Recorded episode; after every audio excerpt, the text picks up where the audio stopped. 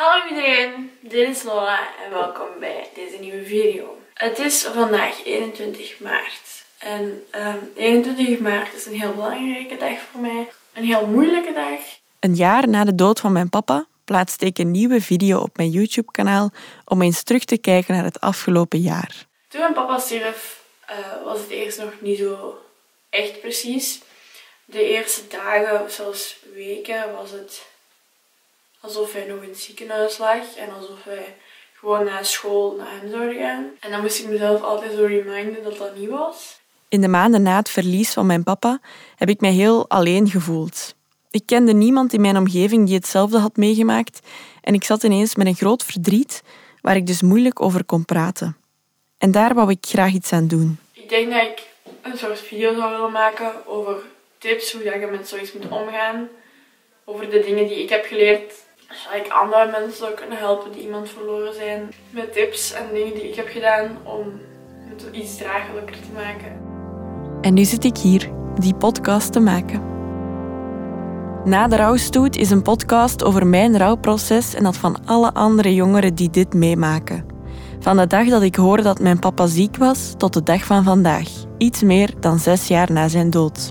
Samen met wat lotgenoten vertel ik je over hoe onze levens veranderden na de dood van een ouder. Welkom bij Na de Rouwstoet.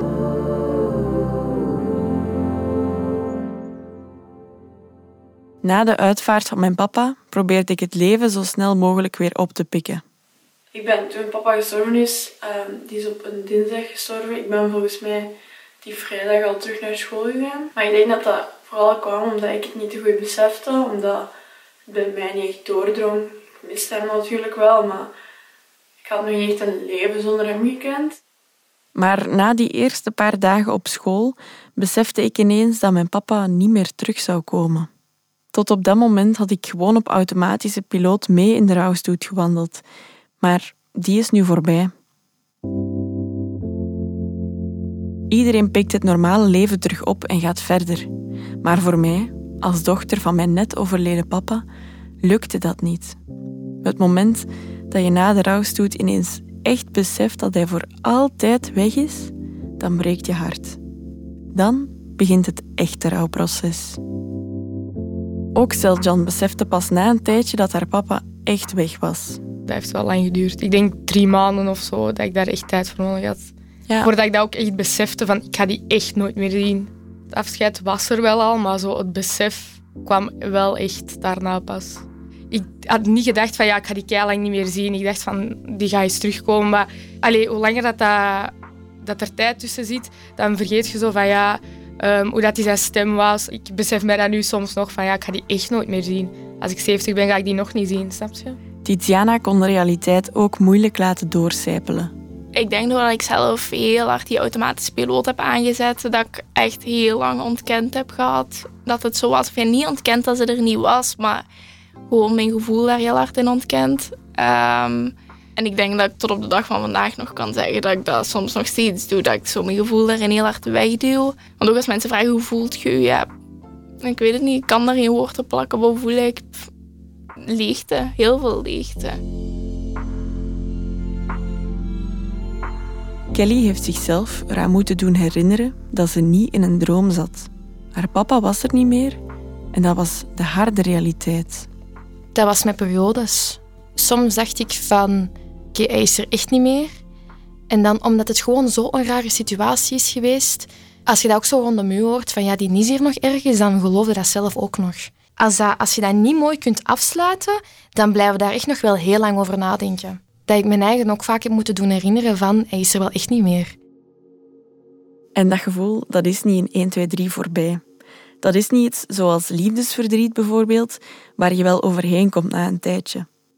Het is echt een ander soort verdriet. Iets dat je veel langer voelt. Misschien wel voor eeuwig. Maar dat gevoel, dat is wel iets dat met vlagen komt. Het ene moment ben je ervan bewust dat die persoon gestorven is, en het andere moment komt dan nog eens keihard binnen. Zo weet ik nog goed dat ik na een paar maanden ineens terug vier borden had klaargezet op de eettafel. En ik was al maanden gewoon dat ik er drie moest pakken, maar ik had er toch ineens weer vier neergezet. En ik wist wel dat mijn papa er niet meer was, maar mijn onderbewustzijn was het precies vergeten. Toen ik dan naar die vier borden keek en er stilletjes eentje terug in de kast zette, dan sloeg dat besef weer als een klap in mijn gezicht. Het rouwproces is niet iets dat standaard een bepaald tijdschema heeft. In het begin zijn die rouwgolven heel groot en volgen ze dicht op elkaar, maar na een tijdje komen die golven minder frequent en verschillen ze van grootte. Maar er zullen sowieso altijd golven in de zee zijn, net als in die van Tiziana. Dat automatisch pilootje van mij heeft gewoon zoveel in mijn rouwproces vertraagd gehad, waardoor ik nu nog steeds dat gevoel heb dat ik daar nog wel een stukje in zit. Maar ik denk ongeveer twee jaar geleden, toen dat ik op kot ben gegaan, dat ik echt heb beseft van... Ik heb geen thuis meer op de manier hoe dat ik die had. En dat het zo allemaal heel hard binnenkwam van... Fuck, dit is realiteit. Ik vond dat dan ook heel moeilijk, ehm, omdat ja, op dat moment was mijn mama al twee of drie jaar gestorven. Um, dus tegenover je omgeving, die verwachten ook precies niet dat je het op dat moment nog moeilijk daarmee hebt. En ik had dan ook altijd zo het idee van ja, gaan die dat wel begrijpen dat ik het daar nog mee moeilijk heb? Terwijl dat is iets dat zo vaak voorkomt dat mensen nog achteraf gaan rouwen.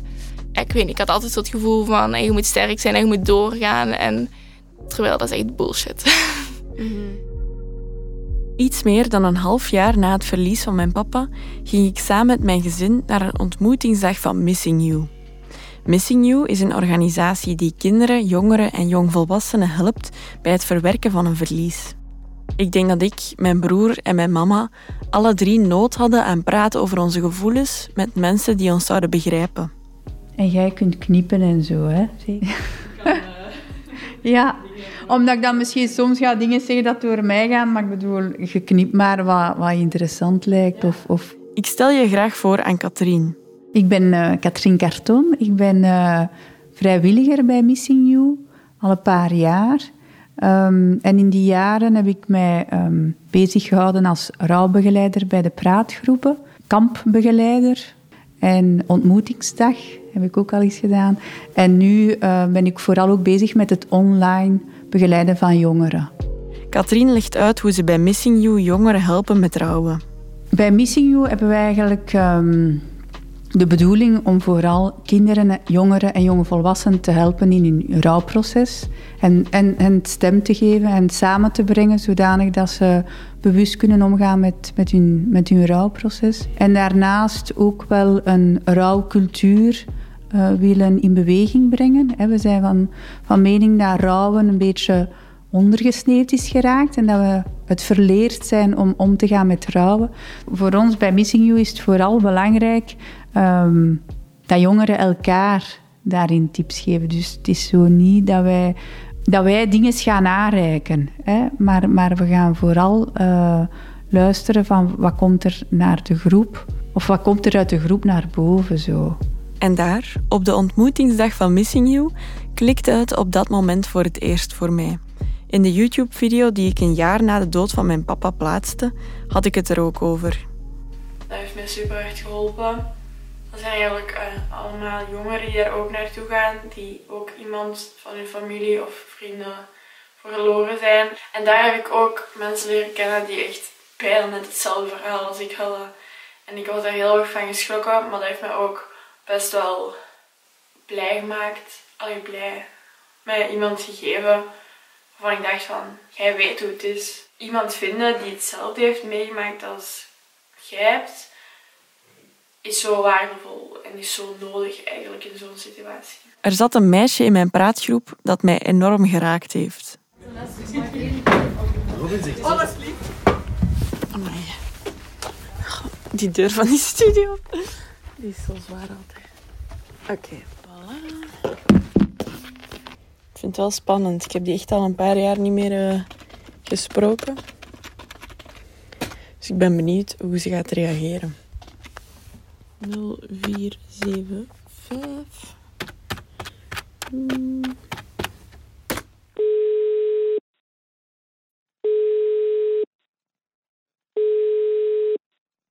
Hallo. Hallo, dag Charlotte. Hey, hey. Dat meisje dat me zo raakte, dat was Charlotte. Charlotte, je weet dat ik je bel um, over mijn podcast uh, na de rouwstoet. Want je bent zelf uh, ook iemand verloren, hè? Ja, dat klopt inderdaad. Um, papa toen ik 16 jaar was, uh, ben ik inderdaad mijn papa verloren. Um, ik weet ja. nog dat ik bij jou was, bij Missing You. En bij mij, mijn broer, mm -hmm. was het toen nog maar een half jaar geleden. En ik weet dat jij mij toen heel veel hebt gedaan. Jij was de eerste persoon die ik zo tegenkwam, die hetzelfde had meegemaakt, maar die mij een soort van perspectief kon geven over de toekomst. Um, dat het allemaal wel goed zou komen. En ik heb dat echt doorheen de jaren meegenomen. Van Charlotte heeft mij laten zien dat ik het ga kunnen en dat het, dat het gaat moeten en dat het gaat beter worden. Uh, en dat heeft ja. mij echt super hard geholpen. Amai, dat doet mij wel veel dat je dat zegt. Ja, ik denk dat ik ook wel mensen nodig had.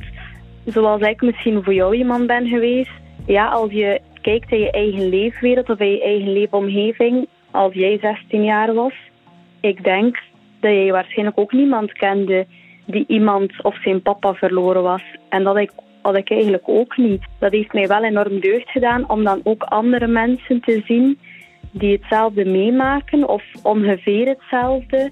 Waardoor dat je voelt, ik ben niet alleen op de wereld in mijn situatie of met mijn gevoelens. Nog iemand die een enorme steunpilaar voor mij geweest is, zonder dat hij dat zelf wist, is Joost. Ik volgde Joost al sinds het begin van zijn YouTube-dagen. Hey, hey, yo, yo, gangsters, hallo mensen. Hey, welkom bij een nieuwe boekdag. Ja, vandaag ben ik in Frankrijk. Correctie, ik ben in Parijs, dat is dit gebouw. Nou vraag je je vast af, Joost, wat de fuck doe je hier? Nou, ik heb ook geen enkel idee. Ik ben helemaal alleen, ik weet niet wat ik ga doen. Laten we gaan. Ik denk dat het iets van 2015 moet geweest zijn dat ik hem ontdekt heb. Hij heette toen nog Eenhoorn Joost op YouTube. En na een tijdje plaatste hij een Draw My Life op zijn kanaal. Dat is een video waarin dat je je leven vertelt aan de hand van tekeningen. En ik weet nog dat hij daarin vertelde dat hij zijn beide ouders was verloren. En ook dat die allebei in hetzelfde jaar gestorven waren. Dat verhaal dat kwam toen al enorm binnen, ook al had ik uiteraard nog geen idee wat de toekomst mij ook zou brengen. Helaas staat die video niet meer online. Joost begon naast zijn YouTube-video's ook met het maken van muziek. 1983. En daar was ik uiteraard ook grote fan van. Ik denk dat Joost bij mij al vijf jaar lang op één staat in zo van die overzichten van uw muziekjaar. Echt, die man heeft schijven gemaakt, niet normaal. Maar een aantal jaar later sloeg het noodlot toe in mijn familie. Ik verloor ineens zelf mijn vader. De Draw My Life die Joost maakte, was ineens geen ver van mijn bedshow meer. Dat verdriet was zo enorm in het begin, maar gelukkig was daar Joost met zijn absurde muziek om even te ontsnappen uit de realiteit. Wie ben jij? Ik ben een god. Ik weet zeker jij Op een gegeven moment studeerde ik zelfs met zijn muziek op de achtergrond, gewoon om die andere gedachten buiten te houden. In de zomer van 2022 bracht Joost Florida 2009 uit. Naast het kunnen vluchten van de realiteit met zijn gekke muziek, vond ik er nu ook herkenning in. Met Florida 2009 opende Joost opnieuw een stukje in mijn verwerkingsproces. Het valt echt niet te onderschatten hoeveel ik gehad heb aan Joost en zijn muziek. Voor jou bewaar ik mijn geduld in een kistje onder mijn bed. Maar wat is een pretpark? Een pretpark zonder pret. Florida 2009. Daar, daar kwam ik mezelf tegen. Maar heb een steen verlegd in de rivier. En dat ondanks alle regen. Op dat moment haalde ik eigenlijk meer steun uit Charlotte en Joost, twee mensen die ik eigenlijk niet kende, dan uit de rest van mijn omgeving. En dat kwam omdat Joost en Charlotte mijn lotgenoten waren en daardoor me beter begrepen. Mijn collega Jonas vond ook zo iemand. En ook al was dat jaren na de dood van zijn vader, het deed hem iets om met een lotgenoot te praten. En die lotgenoot is Joris Brijs. Hij presenteert de voormiddag op Studio Brussel en je ziet hem ook wel vaak op tv verschijnen. Meestal als het over sport gaat. Ja, die is zijn vader ook verloren. Ook al wel wat jaren geleden intussen. En soms praten we wel eens over onze vaders op bepaalde datums, uh, verjaardagen of de dagen dat die dan gestorven zijn. Of andere momenten ook. En dan merk ik wel dat ligt wel eens op. Dan, dan doet het wel eens deugd om daar met iemand over te praten die hem niet heeft gekend, maar wel in dezelfde situatie heeft gezeten. Voelde je als kind dan soms echt alleen met dat verdriet? Ja, toch wel. Ik heb veel uh, s'avonds in mijn bed geweend. Ik heb daar eigenlijk ook met mijn zus weinig over gebabbeld. Ik ben die situatie op een bepaalde manier goed doorgekomen ik ga niet zeggen ongeschonden, maar ik ben daar wel doorgekomen. Ik, heb daar, ik kan daarmee wel omgaan. Mijn zus heeft daar veel moeilijker mee gehad. Ze was ook nog wel wat jonger. Ze heeft allemaal minder kunnen vatten wat er toen is gebeurd. En ze heeft daar in haar puberteit het wel heel erg lastig mee gehad. Die was ongelooflijk onzeker. Foute vrienden daardoor, om het zo te zeggen. Of zichzelf niet goed genoeg voelen voor niks of niemand. Um, heel, heel zwaar gepubert, heel veel moeite mee gehad. Foute dingen gedaan. En eigenlijk kwam het altijd neer op hetzelfde. Als ze dan brak in haar emotie, dat ze haar vader miste. En ik denk dat ik als een bepaald verdedigingsmechanisme voor mezelf dan heb uitgemaakt van oké, dat is allemaal gebeurd, dat is in het verleden en ik moet nu vooruit. Tiziana had niet echt het gevoel dat ze begrepen werd. Ja, dat stukje het mogen rouwen, dat, dat miste ergens voor mij was er op dat moment nog meer zo het gevoel van nu moet je het toch wel allemaal op de rit hebben. Terwijl ik op dat moment zoiets had van nee, heel mijn leven staat op zijn kop. En zeker allee, in mijn omgeving qua vrienden is er niemand die een overlijden qua van ouders heeft meegemaakt. Dus er was ook niemand die snapte waar ik in zat. En die deden echt wel hun best om dat te begrijpen. Maar ik had dan wel gelukkig mijn zussen die ja, exact hetzelfde proces hebben meegemaakt als ik, die wel echt snapte waar dat we doorging. Dus ja, dat was dan mijn geluk. Ik heb mij ook wel een tijdje alleen gevoeld in mijn verdriet. Maar gelukkig leerde ik op kot Fien kennen. Met Fien, mijn beste vriendin, kon ik op den duur praten over mijn papa. Zij kon zich uiteraard niet 100% inleven in mijn situatie, maar ze stond er wel. En dat was zo, zo belangrijk. Toen ik op kot zat en ik mij niet goed voelde, dan liep ik gewoon twee deuren verder, naar de kamer van Fien. Dat, dat is sowieso, dat was een proces van een beetje groeien of zo daarin. Mhm. Zowel voor u als voor mij, want in het begin bleef je vaak op je kamer als het slecht, allee, als het niet zo goed ging, als je minder moment had. En dan was ik zo... Ik heb Nona al lang niet meer gezien. We zitten hier met iedereen in de keuken of op een kamer en Nona is hier niet. Er klopt iets niet. Mhm. Dus dan... Kwam jij bij mij Ja, dan kwam ik bij u. Maar dan is dat na een tijd ook wel gewoon geworden dat jij mij een berichtje stuurde van... Kunt je even naar mijn kamer komen? Ik voel mij niet goed. En dan op het einde stond je inderdaad gewoon aan mijn deur. Ik vond dat, ik vond dat wel een, een compliment of zo, als ik dat kan zeggen. Dat ik voelde dat jij je op je gemak voelde bij mij en dat je daarover wou babbelen. En dat maakte het voor mij ook gemakkelijker, omdat ik in het begin gewoon... Ja, je wilt dat onderwerp niet op elk moment bovenhalen, maar je wilt wel checken van... Is die persoon oké? Ehm, maar ja, het maakte het natuurlijk ook wel gemakkelijker dat jij het ook heel vaak tegen mij zei. Allee, meestal zei jij niet echt iets, maar stond jij gewoon te wenen voor mijn deur. En dan wist ik, oké. Wat echt mega oké is, hè. Ja. Vond je dat in het begin moeilijk? Want ik weet dat veel vrienden van mij, als ik over mijn papa begin, en nu is dat nog, dat die zo snel mogelijk van onderwerp proberen te veranderen omdat die niet goed weten hoe ze daarmee moeten omgaan. Ja, het is niet dat ik per se zo snel van onderwerp wou veranderen, maar na een tijd wist ik niet goed meer wat ik moest zeggen. Er is zoveel dat je wilt zeggen, maar ja, in die end is de harde realiteit dat het, gewoon, het is gewoon zo. En ja, ik kan niet zeggen het komt goed, want de pijn kan verzachten, maar helemaal goed komt het niet. Hè? En, ja, er is geen oplossing. Nee. En dat, dat is, denk ik, het moeilijkste op die momenten. Dat ik voel me echt machteloos. Mm Ik heb aan u superveel gehad. Mhm. van al mijn, allee, mijn vrienden heb ik er het meest met u over gesproken. En hetgene wat ik zo apprecieer is dat je dat echt toelaat. Dat ik Mhm. verdrietig ben en, en wil luisteren. En ik wil je daar wel echt voor bedanken, want ik heb wel echt heel veel aan u gehad. En ik heb dat nog steeds, want je bent nog steeds de persoon waar ik naartoe loop als het niet goed Ja. gaat.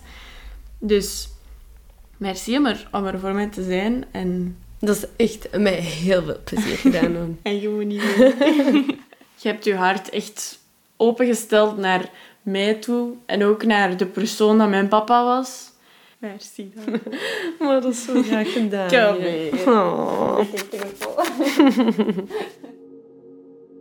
Er zijn veel dingen die je kan doen voor iemand die aan het rouwen is, al is het soms moeilijk om te bedenken wat je juist kan of wil doen. De vrienden en familie van Juliette hebben vanaf het begin hun best gedaan om er voor haar te zijn. Sowieso mijn familie en de vrienden van mijn mama en papa. Ja, daar kon ik echt goed mee babbelen, maar dat is ook omdat die volwassen waren, denk ik.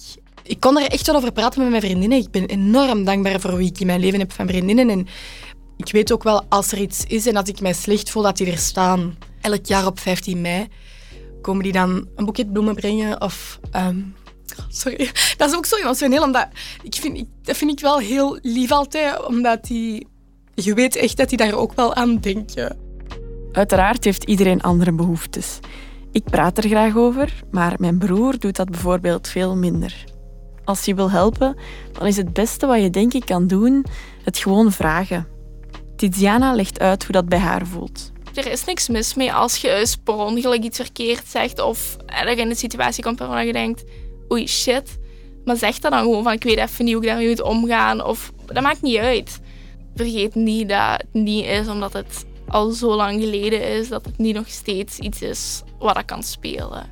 Want het is niet enkel de eerste maanden dat een persoon daar verdrietig over kan zijn. Het is de jaren nadien ook nog dat dat speelt. Ja, iets wat ik heel vaak te horen krijg en wat ik echt super frustrerend vind, is dat heel veel mensen als die mijn verhaal horen of die me kennen of zo, die zeggen dan altijd, ik zou het in uw plaats niet gekund hebben. En dat is echt een zin dat ik zo frustrerend vind. Want dan denk ik altijd, het is niet van kunnen, het is moeten. Het is, allee, ik heb niet gekozen dat dit op mijn pad kwam of dat dit gebeurde. En ik moet er maar mee dealen op de een of andere manier. Ehm, het is gewoon een manier zoeken om het wel te kunnen. Als ik iets mag meegeven aan omstaanders en luister gewoon naar de mensen. En zijn ook niet bang om het erover te hebben. Want bij heel veel mensen merk je ook zo die vraagverlegenheid. Zo, dat ze niet durven erover te spreken. Maar ik vind het heerlijk om mijn mama nog op die manier in leven te kunnen houden. Want voor mij zal die altijd een onderdeel zijn van mijn leven.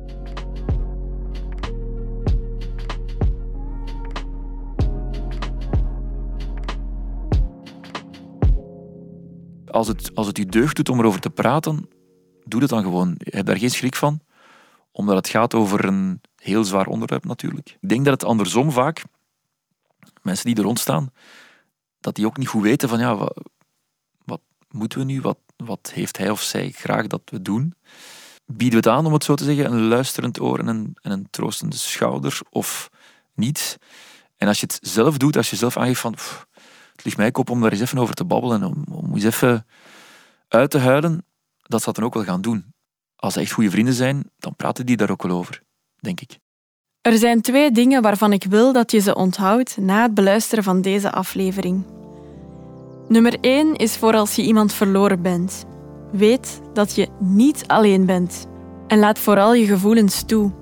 Gevoelens die moeten gevoeld worden. En als je ze daarvoor niet de ruimte geeft, dan zullen die zich op den duur wel opdringen. Dus ga op zoek naar lotgenoten. Praat erover of schrijf erover. Je kan ook nog eens naar die ene gevoelige playlist luisteren als dat helpt. Doe het hoe dat jij het het fijnst vindt, maar omarm die gevoelens op een of andere manier. Laat ze toe, want alleen zo leer je die gevoelens te dragen. Nummer twee is voor als iemand uit je omgeving iemand verloren is. Wat ik dan wil zeggen is: steek je hand uit. Doe niet alsof het er niet is. Toon interesse. Je kan gewoon vragen hoe je er het best voor die persoon kan zijn, want de rouwstoet die is voorbij, maar het rouwen zelf, dat is nog maar pas begonnen. Laat zien dat die persoon niet alleen is, want die is niet alleen.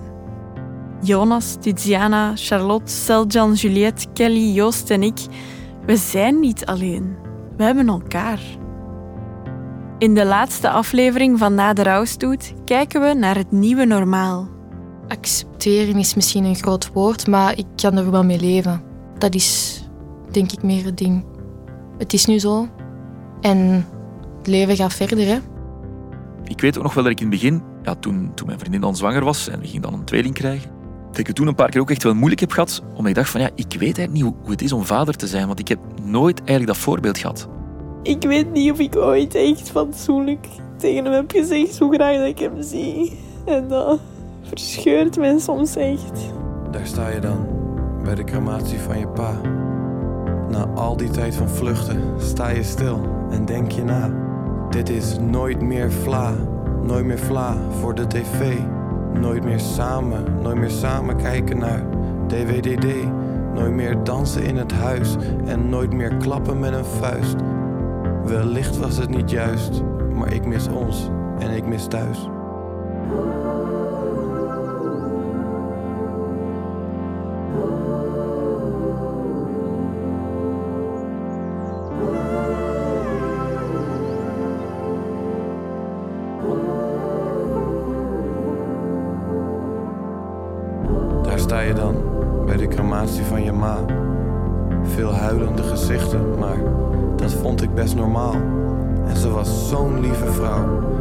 Zoveel dat ik zeggen wou. Van het spijt me en sorry, maar mijn hart die is nu koud. Voor jou bewaar ik mijn geduld. In een kistje onder mijn bed. Maar wat is een pretpark? Een pretpark zonder pret. Florida 2009. Daar, daar kwam ik mezelf tegen. Maar heb een steen verlegd in de rivier. En dat ondanks alle regen. Als je na het beluisteren van deze podcast vragen hebt, dan kan je terecht bij Teleonthaal op teleonthaal.be of op het nummer 106. Bij vragen over zelfdoding kan je ook de zelfmoordlijn contacteren op het nummer 1813. Bedankt voor het luisteren naar aflevering 3 van Na de Rouwstoet.